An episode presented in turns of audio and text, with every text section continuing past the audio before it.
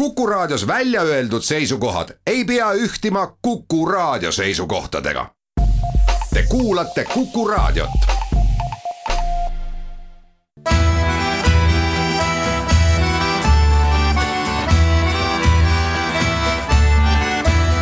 Kirillitsas Eesti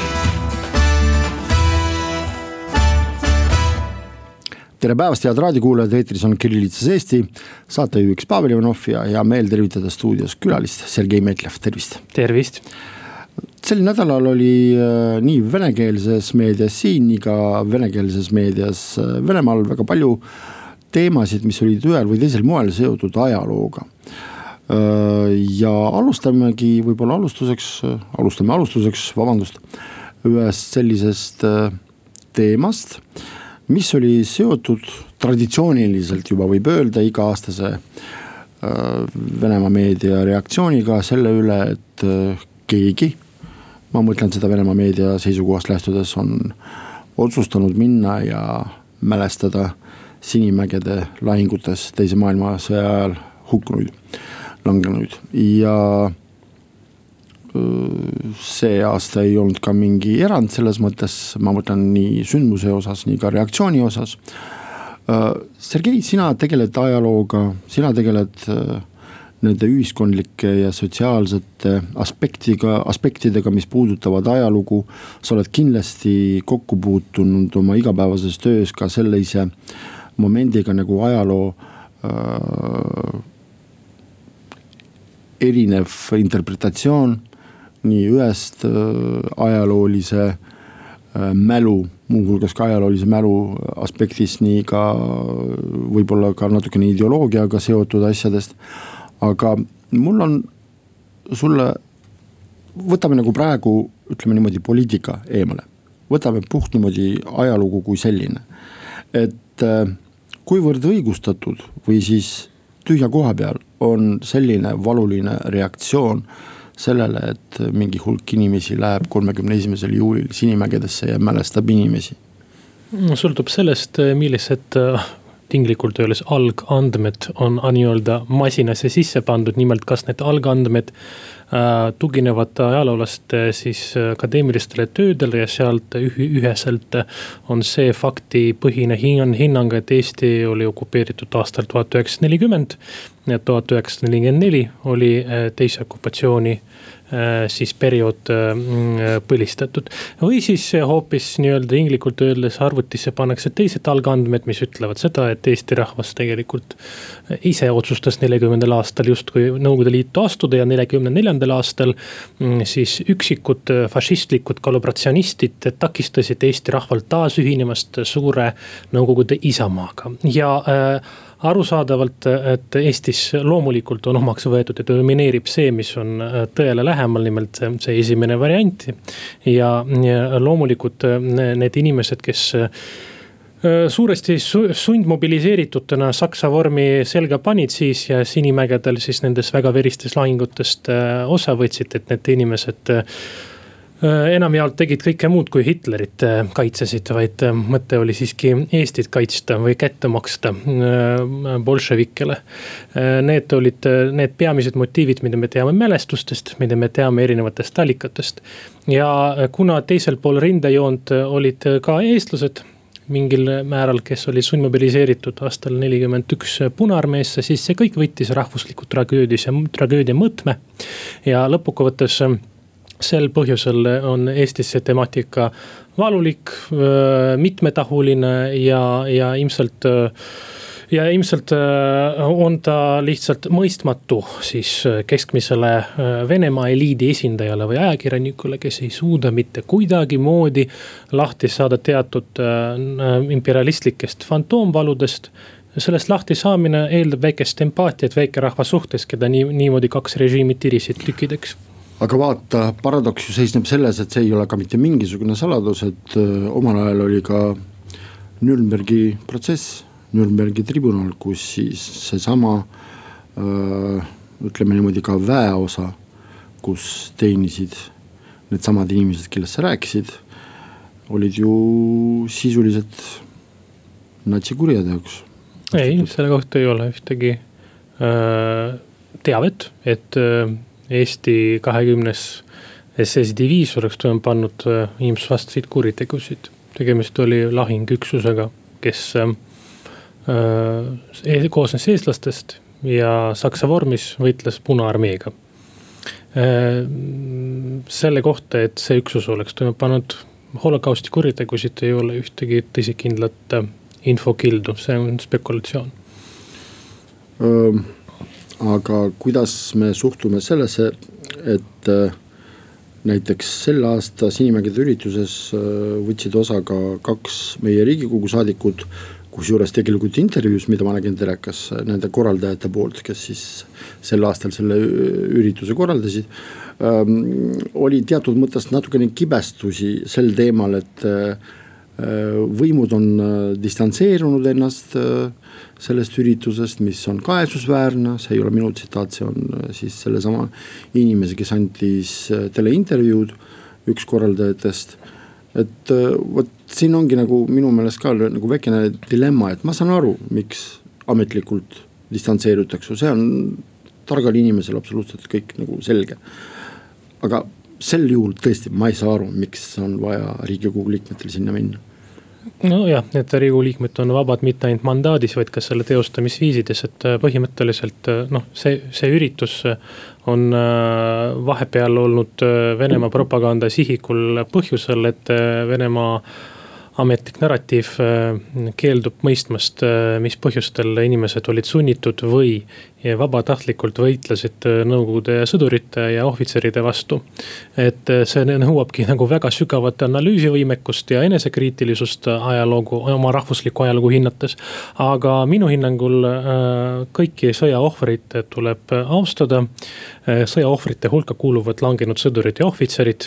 Sinimägede lahing on üks verisemaid Eesti ajaloos üldse ja äh, tuleb äh, rõhutada seda, et selline austusväärne ja, ja rahulik mälestamine ka augustis Sinimägedes on põhimõtteliselt kohane juhul, kui seal ei ole okupatsiooni siis režiimide sümboolikat lehvimas, juhul kui seal ei toimu. sa mõtled mõlema okupatsiooni? ükskõik millise, minu jaoks haakrist ja sirpivasser on võrdväärselt kurjuse sümbolid ja ma arvan, et enamuste Eesti inimeste jaoks samamoodi. kui see on rahulik tseremoonia, siis mina ei näe selles probleemi kus sinna ilmuvad äh, inimesed, äh, kes selgelt väljendavad poolehoidu ühele või teisele režiimile. siis see on probleem, aga see on selline nii-öelda noh, kuidas ma ütlen, selle ürituse korraldajatele probleem, mitte et seda üritust üldse ei tohi korraldada. ma arvan, et selles küsimuses ei ole vist äh, sobilik öelda, et teine maailmasõda lõpeb siis, kui lahkub siit ilmas viimane osaleja sellepärast et need ideoloogilised narratiivid vist jäävad igal juhul ellu. aga teeme väikese reklaamipausi, pärast oleme eetris taas.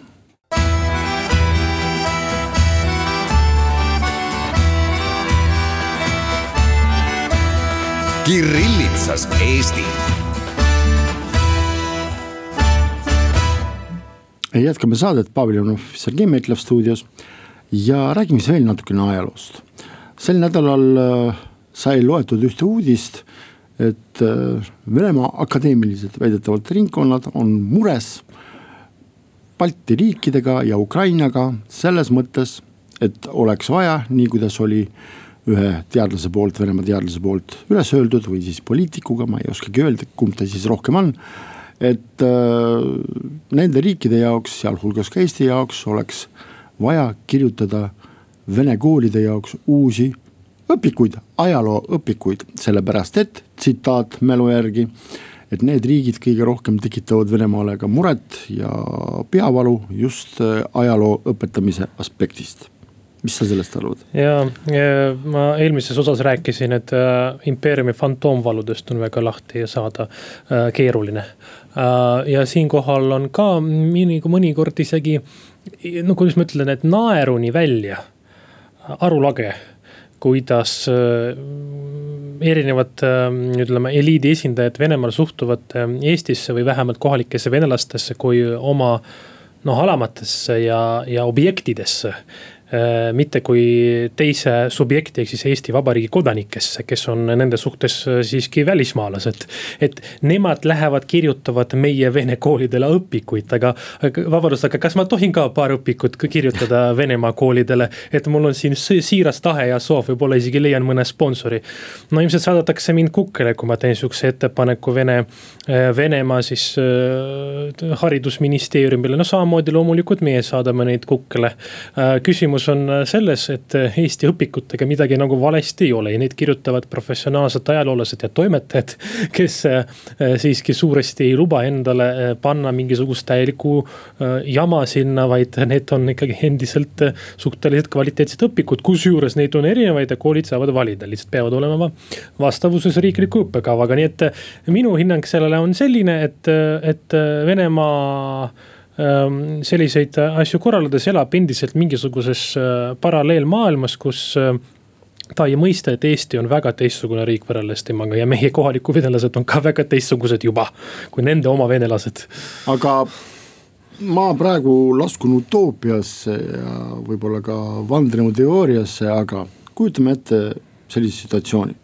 et oletame, et okei okay,, et äh, meie haridus- ja teadusministeerium tahaks tutvuda sellise uuesti kirjutatud õpikuga ja huvitav oleks sel juhul, ma saan aru, see on utoopiline, aga siiski huvitav oleks tegelikult vene koolide, mis veel alles on, mida veel äh, peaminister ei ole rahastamist äh, lõpetanud, et äh, milline oleks just õpetajate reaktsioon sellele no äh, ütleme nii, et tegelikult äh, ma arvan, et äh,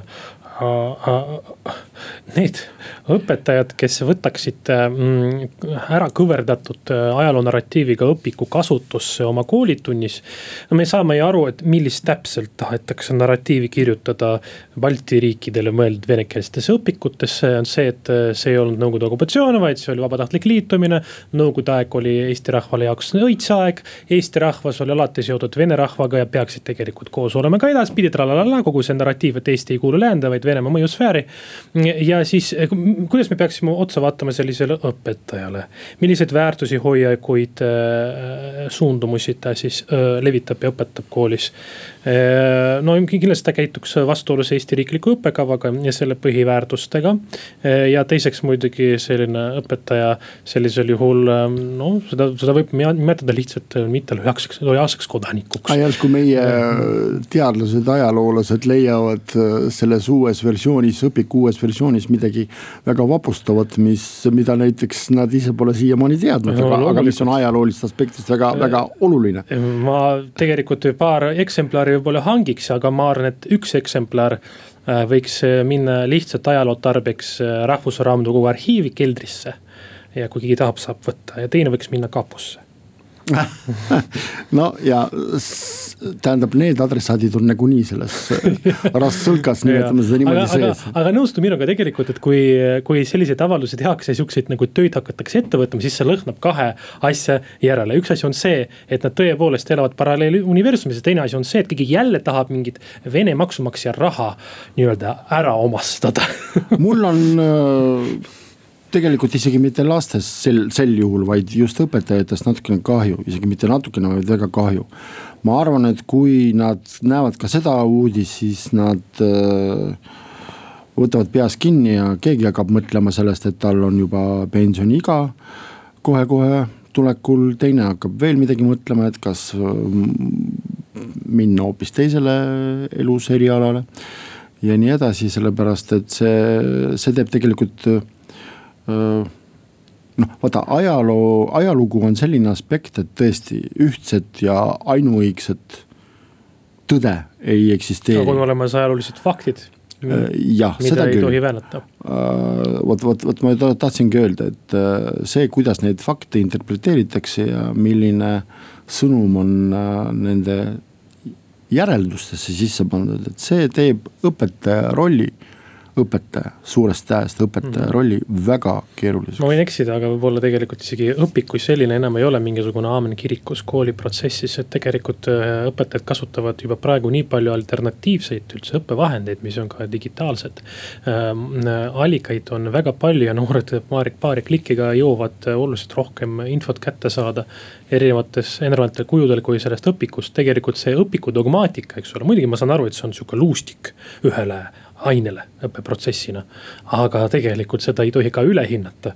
nii et, et, et, et Moskvas kuskil hakatakse järjekordset õpikut kirjutama, et see tegelikult äh, reaalselt ei tähenda eriti mitte midagi. aga oletame veel natukene sellist utoopilist olukorda ja oletame, et me lugesime uudist, kus siis USA riigidepartement teatas, et Balti riigi ajalugu on pandud uue õpiku, ajalooõpiku kantevahele oota, et, et USA siis äh, ja. kirjutab oma Eesti ajalugu või? see, see ei ole enam para-, para-, paralleeluniversum, et see on lihtsalt äh, vanarahva muinasjutt. et see ei ole nagu, ma arvan, et eriti võimalik, sellepärast et minu teada äh, Ameerika Ühendriigid nii-öelda ajaloolist heitlust kui oma primaarset välispoliitika vahendit üldse ei kasuta sellepärast, et nad lihtsalt, vabandust, ei tea seda. Nad ei tea seda ajalugu, mis äh, toimus Euroopas, välja arvatud äh, seesama D-Day. Meelis, et meile jaoks on oluline on see, et äh, Ameerika Ühendriigid ei ole kunagi tunnistanud meie okupeerimist. aga praegu teeme pausi, kuulame ära uudised ja siis jätkame saatega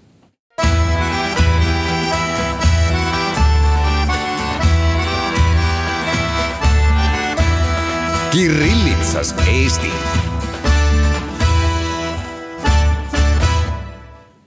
meie saade Kirillitsas Eesti jätkab, saatejuht Paul Ivanov stuudios külaliseks Sergei Metlev. ja jätkame nii, kuidas meile kirjutas Anna Püsset marksismi ja stalinismi propaganda õudustega, me ka jätkame. nimelt siis meie hea raadiokuulaja, kellele suur tänu selle eest, et ta meie saadet kuulab et äh, soovib, et meie saade lõpeks ära, sest ikka täiesti käest ära on läinud Kuku totalistliku marksismi ja stalinismi propaganda õuduse õudujätk meie ajakirjanduses. kõige tähtsam on see, et meie töö, Sergei, ei jätaks inimesi ükskõikseks oma teemadega jätkame ja jätkame sellisel huvitaval teemal, et sel nädalal me saime venekeelsest meediast siin Eestis teada, et Haridus- ja Teadusministeerium on andnud loa uue kooli avamiseks, mis äh, ma ütleksin, on äh, võib-olla oma olemuselt ikkagi mõeldud just venekeelsele äh, lapsele, kes peaks nagu minema kooli, nimelt Shanghai ja San Francisco Püha Johannese kool Tallinnas sai vastava loa litsentsiministeeriumilt ja nüüd siis alates esimesest septembrist, vähem kui kuu on selle päevani jäänud, alustab oma tegevust. iseenesest, äh, kui piirduda selle sama pealkirjaga, uudise pealkirjaga, on minu meelest väga tore mis tegelikult näitab muuhulgas ka seda, et äh, ei ole keegi mitte millegi vastu, seda enam, et selliseid äh, religiooni kallakuga pühapäevakooli meil on ju tõesti, ei saa öelda, et palju, aga neid on. Ja kui vaadata selle kooli äh, kirjeldust äh, kasvõi äh, kooli koduleheküljel et siis me näeme, et siin väga julgelt kirjutatakse, et kui võrrelda koolihoonega, siis on selle alustalaks korralik haridus, esimene korrus on hea psühholoogiline õhkkond, teine korrus aga on kristlik hoolitsus lapse hinge ja tema valgustuse eest. ma ütlen niimoodi, et ja, ja, ja natukene veel põhimõtetest, et kooli haridusprotsess põhineb kristlikul maailmavaatel koos vaimse ja praktilise tegevuse harmoonilise tasakaaluga. kõike seda ma ei mõelnud ega ei tõlkinud, ma loen seda eesti keeles sellesama kooli koduleheküljel. Äh, ma ütlen ausalt, et äh, kõik vot sellised religiooni kal-, tähendab religiooni suunaga haridusasutused, õppeasutused, loomulikult nad noh, tekivad, tekitavad natukene sellist äh, küsimärki, et kas ta, kas see haridusprotsess ütleme peale kaks pluss kaks võrdub nelja, et kas ta väga sügavalt ei lähe religiooni ja siis võib see üldhariduslik aspekt võib-olla natukene kaduda. aga ma arvan, et äh, tegelikult vist äh, see mitte hirm, vaid see tähelepanek, mis mul nagu sündis ja millest ma praegu ütlesin, ta on sekundaarne. tähtis on see, et on veel üks võimalus, kus lapsed saaksid hariduse no seal on kodulehel kirjas ka see, et äh, kool kavatseb kasutada äh, siis Venemaa hariduse parimaid praktikaid ja traditsioone. Mm, ja see tegi.... no ma arvan, et tegelikult see on ka, vabandust, õige, sellepärast et õigeusu koolide traditsioon on tõesti seal naaberriigis ikkagi vist. Nad räägivad nagu Venemaa hariduspraktikatest ja lähenemistest, mis on hoopis midagi muud moodi, kui meil Eestis kui lääneriigis on omaks võetud noh, ütleme, et see nende ilusate sõnade taga tegelikult on lihtsalt äh, rohkem arhaelisust, hierarhilisust, autoritaarsust ja selliseid ilminguid mina kui vene, kui väga tavalist vene kooli lõpetanud noormees võin kinnitada, et need on peamised juurpraktikat.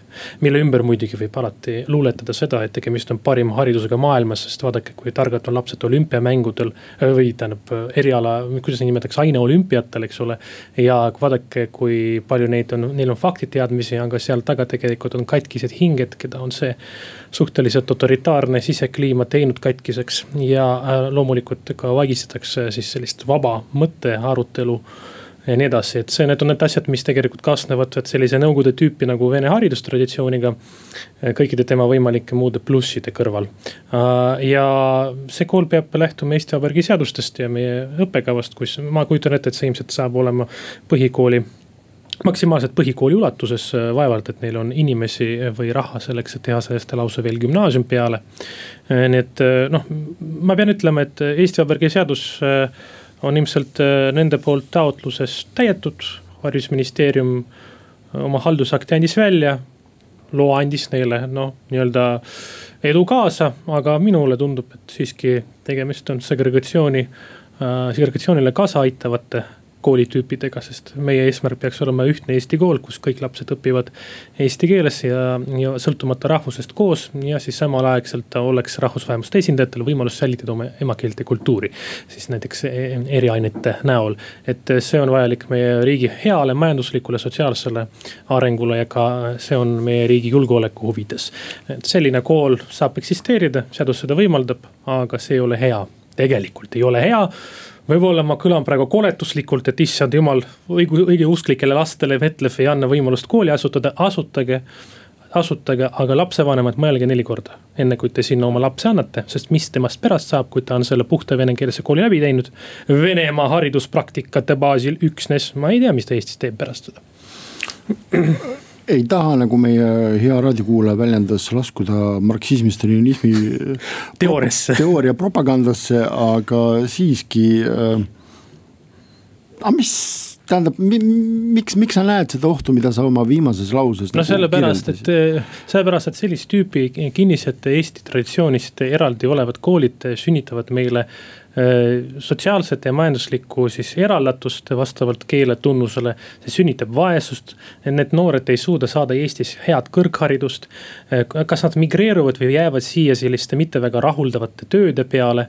Nad on lahus meie poliitilisest, ühiskondlikust arutelust ja väärtusruumist ja nii edasi, tähendab, et äh, Eesti riigi eesmärgiks on, et tema hariduskliima ei võõristaks noori tema juurest mida praegu väga paljud koolid teevad, sest väga paljud koolid Eestis on lahus Eesti haridustraditsioonist, puhtad vene koolid. kui ei oleks seda fraasi, et on baseerub, basee-, et, et see kool baseerub Venemaa hariduspraktikal, kas siis oleks okei okay?? ma arvan, et siis oleks natuke parem, sest tead, see kõlab, äh, tähendab, neil on niikuinii kohustus täita Eesti õppekava. muidu nad ei saa anda pärast äh, näiteks põhikooli lõputunnistust isegi. aga see kõlab umbes niimoodi, et me formaalselt täidame, aga tegelikult me teemegi lihtsalt ühe sihukese nagu Venemaa kooli, mida rahastab tegelikult Vene riik läbi äh, õigeusu kiriku, ma ei ole loll, ma saan aru, et see täpselt nii hakkabki käima. võtame väikest sellist õppeteenustasu, et näeks välja nagu tavaline erakool, eks ole. ja äh, see tähendab seda, see ei tähenda seda, et see hakkab Putini portree igal pool rippuma ja suure Isamaa sõja mingisugused propagandaposterid, ei, ma ei räägi nagu, et see läheb nii absurdseks.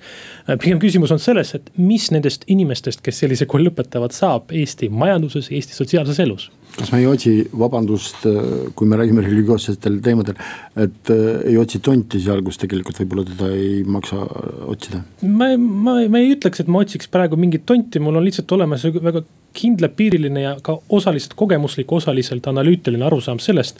et mis tüüpi koolid Eestis võivad segregatsiooni suurendada ja millised võivad selle, seda vähendada. selline kool nagu olukorras, kus ta on niimoodi välja kuulutatud selliste põhialustega pigem seda suurendaks, aga tegelikult, kui lapsevanemad tahavad oma lastelt Eestis tulevikku ära võtta, reaalselt riik ei saa seda keelata. Mm,. jah.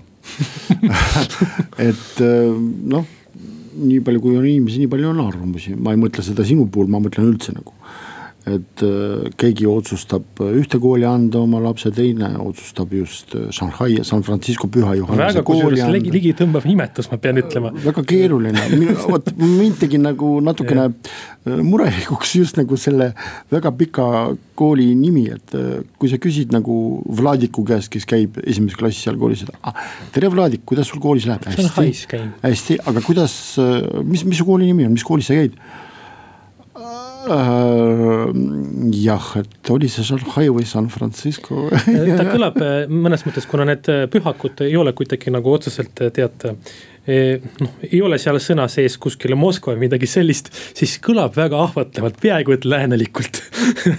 Kõlab, kõlab jah, kõlab intrigeerivalt vähemalt, aga tead, ma ütlen sulle niimoodi, et enne uue kooliaasta algust on kindlasti paslik öelda, et oh jälle mul tuli meelde marksismi-stalinismi äh, propaganda sõnum, aga ikkagi, et äh, õppida, õppida ja veel kord õppida.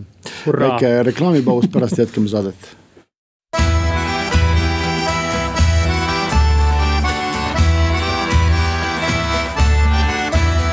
Kirillitsas Eesti. jätkame saadet, Pavel Janov ja Sergei Metlev äh, üks teema veel, millest viimase seitsme päeva jooksul väga palju ei saa öelda, et räägiti, aga kajastati kindlasti, see on siis vaktsineerimisbussid. Ja ma pean ütlema, et tõesti, kui vaadata venekeelsete portaalide tänavaküsitlusi, nendes järjekordades rõhutan, mis on nende busside ees, näiteks Lasnamäel siis ma olen ka üllatunud ja ma olen üllatunud kahest aspektist lähtudes. esiteks see, et vaktsineerimisbusside juures, mis tegelikult ilmusid väga suureks, tähendab kahjuks nad ilmusid alles nüüd ja spontaanselt on tekkinud järjekorrad. ja teine asi, mis mind üllatas, olid just nagu noorte inimeste selgitused ajakirjanikele, kes viisid läbi igasuguseid tänavaküsitlusi kui rääkida sellest esimesest üllatusmomendist, siis ma sain aru niimoodi, et see spontaansus, mida inimesed on äh, ümber transformeerunud järjekordadesse nende busside ümber. viitab sellele, et siiski midagi algselt oli selles kommunikatsioonis puht psühholoogiliselt võib-olla, kui me räägime mõjust, võimalikust mõjust auditooriumi peale. ma ei saa öelda, et valesti, aga vist ei arvestatud mingisuguste psühholoogiliste aspektidega.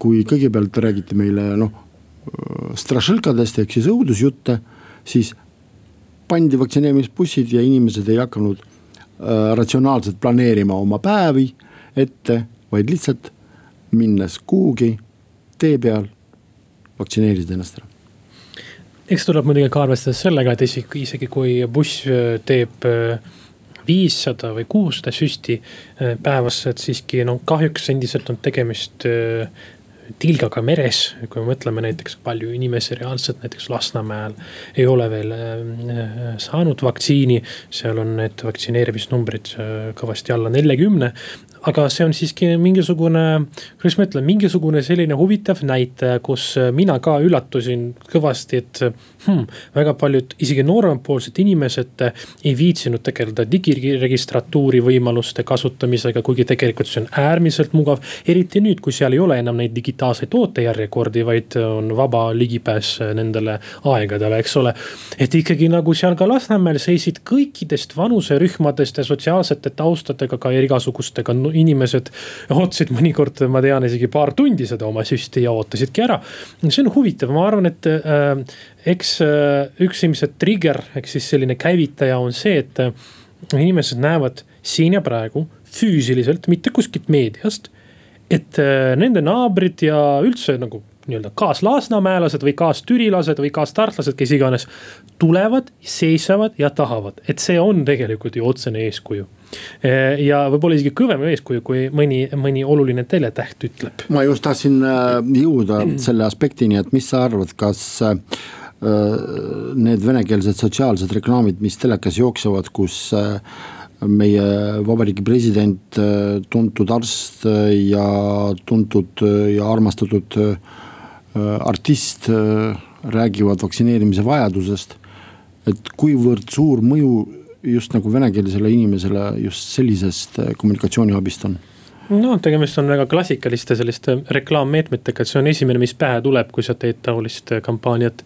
eks muidugi seda ka tuleb kasutada, tuntud näod, olulised näod, kes, kelle puhul võib tekkida selline nagu arusaamine, et ahaa, et kui tema teeb ja tema ei karda, siis no ju asi on enam-vähem. aga muidugi ma tean, et riigi kommunikatsioon alati on ka selline, kuidas ma ütlen, et ta on, ta on nagu piiratud, sellepärast et ta peab olema viisakas, ta peab olema korrektne.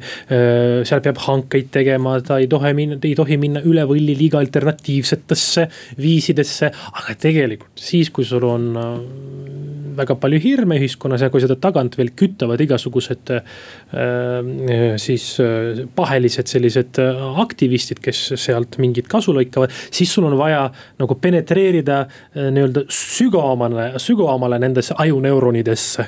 et leida neid siukseid atraktiivseid, säravaid viise, kuidas nagu neid asju seal sotsiaalmeedias ja mujal teha inimestele arusaadavaks ja seal riik kahjuks on piiratud, sest noh, tema ei saa minna ja teha seda, mida saab mõni kodanikuühendus korraldada.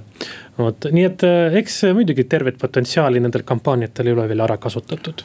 Äh, väga paljud on kiitnud just seda, et äh, meie president pöördus vene keeles just venekeelse auditooriumi poole äh, selle üleskutsega, et vaktsineerida. see väga paljude arvates, just nagu venekeelsete inimeste arvates Äh, oli väga tore, ma ei, ma ei julge öelda, kuivõrd palju see mõjus või mitte mõjunud, aga vähemalt äh, äh, selle kui fakti, kui sündmuse, telesündmuse, selle märgiti küll ära.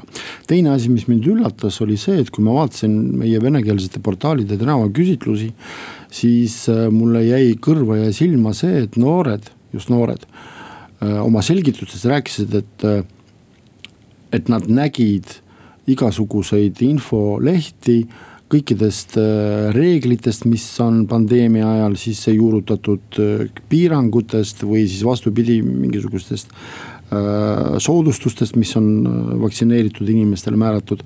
ja nad, nii kuidas väga paljud rõhutasid, nad said targemaks, kogusid infot ja siis tegid positiivse otsuse. see on muidugi väga kiiduväärt, kui see niimoodi käib, et ma väga loodan, et, et äh, pere sees äh, noh, võib-olla esineb, kohati esineb selline vaktsiiniskepsis ei kandu üle sellistele edumeelsetele noorematele pereliikmetele. no nimelt ausalt öeldes ma olen kuulnud paar korda ikkagi selliseid tõsiseid jutte, kus isegi seitsmeteistaastasele noorele nagu lapsevanemad üritavad selgitada, et ikkagi sul on keelatud vaktsineerida. et me siin peres ei vaktsineeri, sest see on kõik vale, eks ole, ükskõik mis põhjusel, põhjusi võib olla erinevaid ja siis noh, see, selle peale küll läheb nagu kergelt nii-öelda käsi rusikasse taskus nimelt, et äh, vabandust, kallis ema või isa. et äh, sinu lapsel tegelikult on õigus, kui ta on mingi kuueteist või seitsmeteist aastane, otsustada oma tervise küsimusi et see ei ole niimoodi, et sina omad tema keha ja laps võib samamoodi nakatuda ja teisi nakatada ja isegi mittetahteliselt surma põhjustada. et äh, mul on küll sihuke üleskutse, et äh, kui kuskil kuulate, et lapsevanemad niimoodi käituvad, siis äh, võimaluste piires selgitage, et ikkagi nagu nii päris asjad ei tohiks käia, meil on vaba ühiskond. ja ma arvan, et see, et noored on oma selgitustes just esile toonud seda, et nad on läbi lugenud kõik vajalikud informatiivsed, ma ei tea, seal kas lendlehed või siis online artiklid vaktsineerimisest, äh, nii kasulikkusest, nii ka võib-olla muudest asjadest, et see minu meelest ta veel, see, see veel näitab ka seda, et tegelikult äh, sealhulgas ka venekeelsed noored on äh, mitte ainult tublid ja agarad, vaid ka hoolivad, tõesti hoolivad nii endast, nii ka oma lähedastest. sest et see, sellest nagu algab kõik, aga meie saade on läbi tuletan meelde, et stuudios koos minuga oli Sergei Metlev, aitäh sulle. aitäh. saatejuht oli Pavel Ivanov, aitäh kuulamast ja kohtume nädala pärast taas.